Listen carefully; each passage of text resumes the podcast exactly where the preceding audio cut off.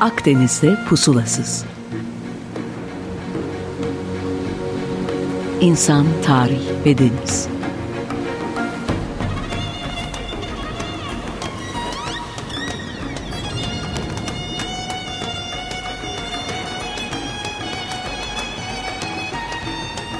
Hazırlayan ve sunan Sidar Duman. 95.0 Açık Radyo'dan herkese merhaba. Akdeniz'de Pusulasız'a hoş geldiniz. Bugün 7 Haziran 12.022, ben Sidar Duman. Ee, bu hafta modern zamanlarda mitolojiyi konuşalım. Hala gerek var mı acaba mitolojiye? Yani Mars'a yerleşme planlarının yapıldığı modern zamanlarda. Geçenlerde Celal Şengör hocamızın ilginç yorumları peşinden bu programı yapmak farz oldu. Aklın inanç karşısındaki kibiri olarak özetleyebileceğimiz bu tür yorumların tarihte pek çok örneğini bulmak mümkün. Mesela aklıma ilk gelen örnek Fransız ihtilalinin ardından e, bu Jacoben ekibimizin Notre Dame katedralinin ismini aklın tapınağı olarak değiştirmeleridir. E, yani Türkçesi tapınmak yine olacak ama akla. Yani işte pozitivist dogmanın da belki de vücut bulmuş şekli olarak düşünebiliriz. Peki gerçekten de bilimin güçlenmesiyle beraber işte mitolojiye, mite, dine yani pozitif olmayana olan ihtiyacımız yok mu oldu? Anlam arayışımız bitti mi? Yani niçin bu dünyada olduğumuzu kavrayabildik mi? Bence modern zamanlardan bu cevapları pek beklemeyin. Eskilere gidip bakalım birlikte. Şimdi paleolitik avcı dayımızın avını nasıl öldüreceği, işte avını nasıl organize edeceği, ne zaman organize edeceği ve verimli olarak bunu nasıl yapacağını gösteren akıldır. Yani logostur. Ancak sonrasında oluşan duygusal boşluğu, işte avın ruhunun rencide edilmemesini, e, gelecek nesillere bu ritüellerin nasıl aktarılması gerektiğini de mitoloji ona öğretir. O yüzden atalarımız mit ve logos, yani akıl yerine kullanıyorum logosu, arasındaki farkı çok iyi anladılar. Ve onların bir bütünün iki parçası olduğunu kavradılar. Yeni silahlar geliştirirken, logosu kullanırken işte ritüellerini ve diğer bütün kişisel problemlerini mitoloji ile çözmeye çalıştılar. Ya bana sorarsanız da sanayi devrimine kadar bu aynı bu şekilde geldi. Şimdi modern zamanlarda bilimin öncülüğünde mit veya dinlerin hegemonyasından kurtulan insanın kendi hayatına anlam katma çabası bitiyor mu acaba? Şayet bitmiş olsaydı bu tür eleştirileri yapanların da örneğin milliyetçilik gibi hayali cemaatlere, ideolojilere kapıldıklarını görmezdik sanırım. En büyük dürtü ölümdür diyoruz genelde. Ee, ama kendinden daha büyük, daha ulvi bir kavramın parçası olmaya çalışmak sanki ölümden bile daha önde gibi geliyor bana. Düşünsenize yaşamak dururken bazı psikolojik gerekçelerle somut olmayan e, demek istiyorum. Örneğin bir savaşta milleti adına ölümü göze alabiliyor insan. Zaten de bilimin tavan yaptığı yüzyıllarda yani insanların tırnak içinde e, dinlerden, mitlerden kurtulduğu yüzyılda bir pozitivist dogma almış yürümüş. Ve sonuç olarak da milliyetçilik yükselmiş. Asırlardır süregelen imparatorluk şemsiyesi altında kimlikleriyle yaşamak artık o insanlara yeterli gelmemeye başlamış. Bunun sonucunda oluşan modern devlet ideolojisi esasında yine savaşlara kalkışıyor ve yine bazı mitler üzerinden e, mesela şehitlik mertebesi gibi bir kurgu yapıyor. Yani mitolojinin konusu değişmiş ama gerekçesi ortadan kalkmadığı için başka bir şapka giymiş. Eskiden yani mitolojik zamanlarda hayvanlar kurban edilirken işte modern zamanlara geldiğimizde bu olaylar yani kurbanlar değişmiş. Mesela bir toprağın vatan olabilmesi için onun şehit kanıyla sulanması gerektiği ortaya konmuş. Çünkü dediğimiz gibi insanın anlam ihtiyacı yaşamı sürdürme dürtüsünden her zaman daha büyük olmuştur. Varoluşun kuklası olmamak için yolculuk yapmamız gerekiyor. Akdeniz'de pusulasız tabii tercihen. Çünkü kader, e, kimin de hatırlamıyorum, kader isteksiz davrananı sürüklerken niyeti olana da mihmandarlık ediyor. E, burada tabii mitoloji devreye girmek durumunda ve kahramanların hikayeleri ile bize yol gösteriyor. Yol genelde şu aşamalardan oluşmuş. Ayrılma, yani var olanların isteyerek itirilmesi. Aydınlanma ve geri dönüş. Şimdi sadece Batı mitolojisinden de bahsetmiyorum. En başta Gılgamış var. Ee, rahatını, varlığını elinin tersiyle itip zor bir yolculuğa çıkmış. Hatta iki kere çıkmış hatırlarsanız. Ee, daha da doğuya gidelim. Bu da ne yapmıştı? Bu arada e, doğduğunda Buda'nın ismi Siddhartha'ydı. Bu ismime olan benzerliği yüzünden de ilk etkilendiğim felsefe 12 olmuştur. Ee, yani Siddhartha da krallığını reddediyor. Bilinmeze ve acılara doğru yola çıkıyor. Bu kendi güvenli alanını işte cennetini belki de bırakıp yola çıkan kahraman için ilk aşama, ilk eşik bir canavarla karşılaşması. Bu canavar esasında kendi iç dünyasını temsil ediyor. Yani gerçekte bir canavarla karşılaşmıyor. Alegorik bir anlatımdan bahsediyoruz.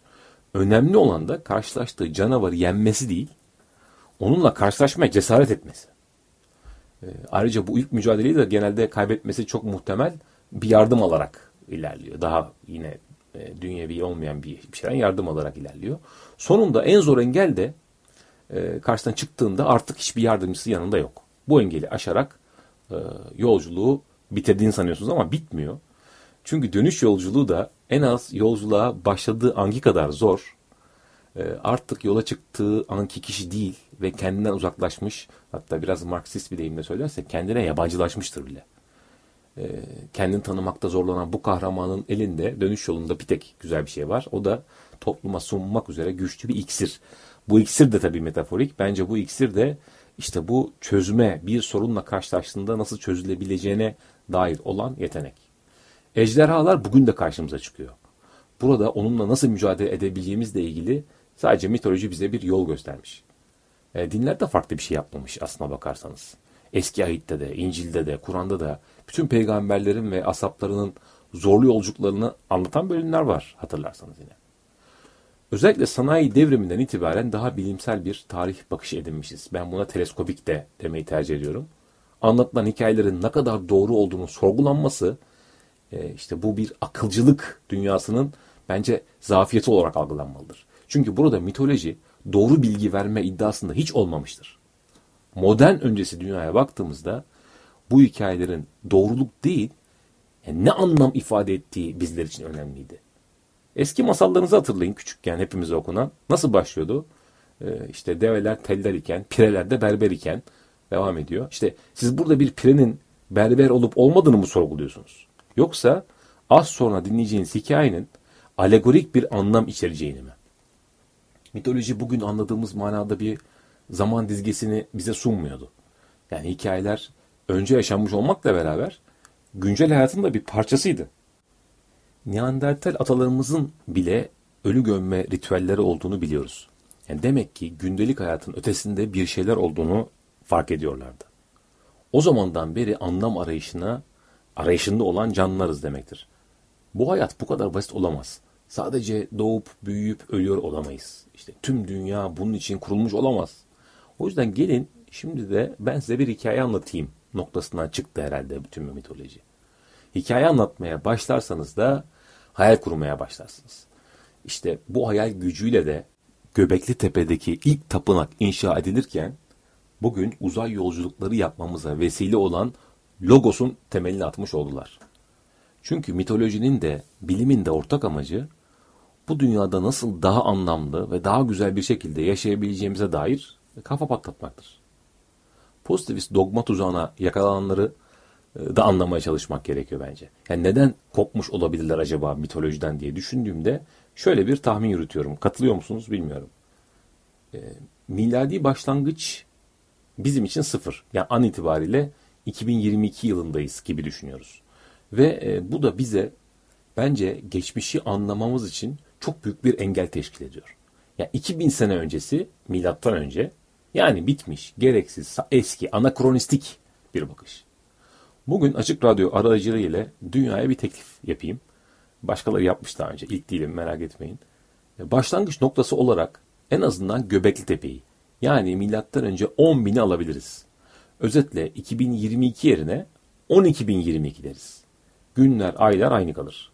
Bu sayede sanki tarih anlayışımız daha bir yerine oturur gibi geliyor. Yani şöyle bir soruya da hazırlıklıyım. Ya Sidar iyi de var olan var olanı değiştirmek istiyorsun ama çıkış noktan aynı. Biri İsa'nın doğumunu almış, sen de ilk tapınağı. İkisi de inanç temelli. Yani kesin bir cevap vermek zor buna tabii ama e, zaten gerek de yok belki çok büyük bir cevap vermeye. Birlikte düşünebiliriz istiyorsanız. Ama önce bir müzik dinleyelim. E, ben size bu kaydı Londra'dan dolduruyorum. O yüzden daha sembolik de bir anlam içerisinde madem mitoloji konuşuyoruz. Beatles söylesin bir şey. Akdeniz'de Pusulasız'ın ikinci bölümüne hoş geldiniz. Ben Sidar Duman. Sene 12.022 ve programımıza kaldığımız yerden devam ediyoruz. Şimdi modern zamanlarda mitolojiye ihtiyacımız var mı? Ben ihtiyacımız olduğuna hatta mitoloji olmadan hiçbir şeyin doğru dürüst işlenemeyeceğine dikkat çekmek istiyorum. Çocuklarınıza, torunlarınıza veya yeğenlerinize bu akşam e, mitolojik bir hikaye anlatmayı denesenize. Mesela Gılgamış ölmez otunu bulduğu halde uyuyup bunu yılana kaptırsın. İşte ya da Herkül'ün maceraları olsun. Jason ve Argonautlar boğazdan geçerken kayalar onları sıkıştırsın. Ya da Truva Savaşı'nı. Muhtemelen çok eğlenecekler ve ilgilerini çekecektir. Acaba neden? Ahlak budur, din budur, kurallarımız budur diye doğrudan anlatmak yerine işte alegorik bir anlatım yöntemi seçtiğinizde ilgi alaka artıyor. Ee, her bir mitolojik hikaye esasında onların edindikleri bilgileri nasıl işlemeleri gerektiğine dair de birer yol gösterici oluyor. Yani mesela işte Hades'in Persephone'yi kaçırması hikayesi. Mevsimlerin oluşmasına e, bir açıklayıcı unsur olarak anlatılmış yıllarca. Çok kısaca hatırlayalım mı? İşte Persephone çok güzel bir kız. Fakat annesi de Demeter. Fakat diyorum çünkü Demeter bütün tarımı şunu bunu düzenliyor. Ve bu Hades yeraltı tanrısı bir gün bu Persephone'yi çok beğenip kaçırıyor. Ve yer altına indiriyor. E, Demeter de dünyaya küsüyor, hayata küsüyor ve artık tarımı, bereketi durduruyor. Ve bir kıtlık alıp yürüyor. Neyse sonunda işte araya tanrılar giriyor. E, hatır sayılır kişiler falan girerek Hades'i ikna ediyorlar. Persephone'yi e, tekrar annesinin yanına yani dünyaya yukarıya göndermeyi kabul ediyor. Fakat anlaşma şöyle e, bir yıl 12 ay ise bunun işte 3 ayı yaklaşık bir mevsimi Persephone Hades'in yerin yanında yer altında kalıyor. Demeter de işte bu 3 ay tekrar dünyaya doğaya küsüyor ve hiçbir ekin yetişmiyor. Büyük bir problem olan bu 3 ay. Hangi 3 ay hangi 4 ay biliyorsunuz işte kış mevsimi. O yüzden de bahar kutlamaları falan hep Persephone'nin e, tekrar yeryüzüne çıkışını temsil eder. Şimdi bugüne kadar kaç mevsim, mevsim yaşamış olursanız olun e, eğer bu hikayeyi bilmiyorsanız bu size bir değişik bir yön katmıştır. Alternatif bir düşünme, var olan bir bilgiyi bir yorumlama alanı açmıştır. E, dini inancınız da mitolojiye olan ilginizin önünde bir engel teşkil etmemeli diye düşünüyorum. Çünkü unutmayalım biri varken diğeri yoktu. Yani seçim yapmak zorunda değilsiniz. Ve bunun yanı sıra mitoloji bilgisi almış insanların sanat ve edebiyata olan e, yaklaşımları da daha farklı oluyor diye düşünüyorum. Çünkü baktığınız zaman ana tema hep mitolojidir. E, bize edebiyat ve sanatın ardında ne olduğunu anlatmaya çalışır. Ya da tiyatronun doğuşunu düşünün. Yani mitoloji olmadan tiyatroyu bile hayal etmek mümkün olmaz. Ya da psikolojiyi düşünün. Yani psike, ruh tanrıçası olmadan psikoloji bilimi olabilir miydi? Peki gündelik hayatta izleri var mı sizce? Yani sadece İstanbul Boğazı'nın adının mitolojiden geliyor olması değil. Yani daha böyle beşeri konularda hayatımızda var mı? Mesela bir yargıç düşünelim. Mahkeme salonuna giriyor. Onun giydiği cübbe ve onun rolüne hürmeten herkes ayağa kalkıyor.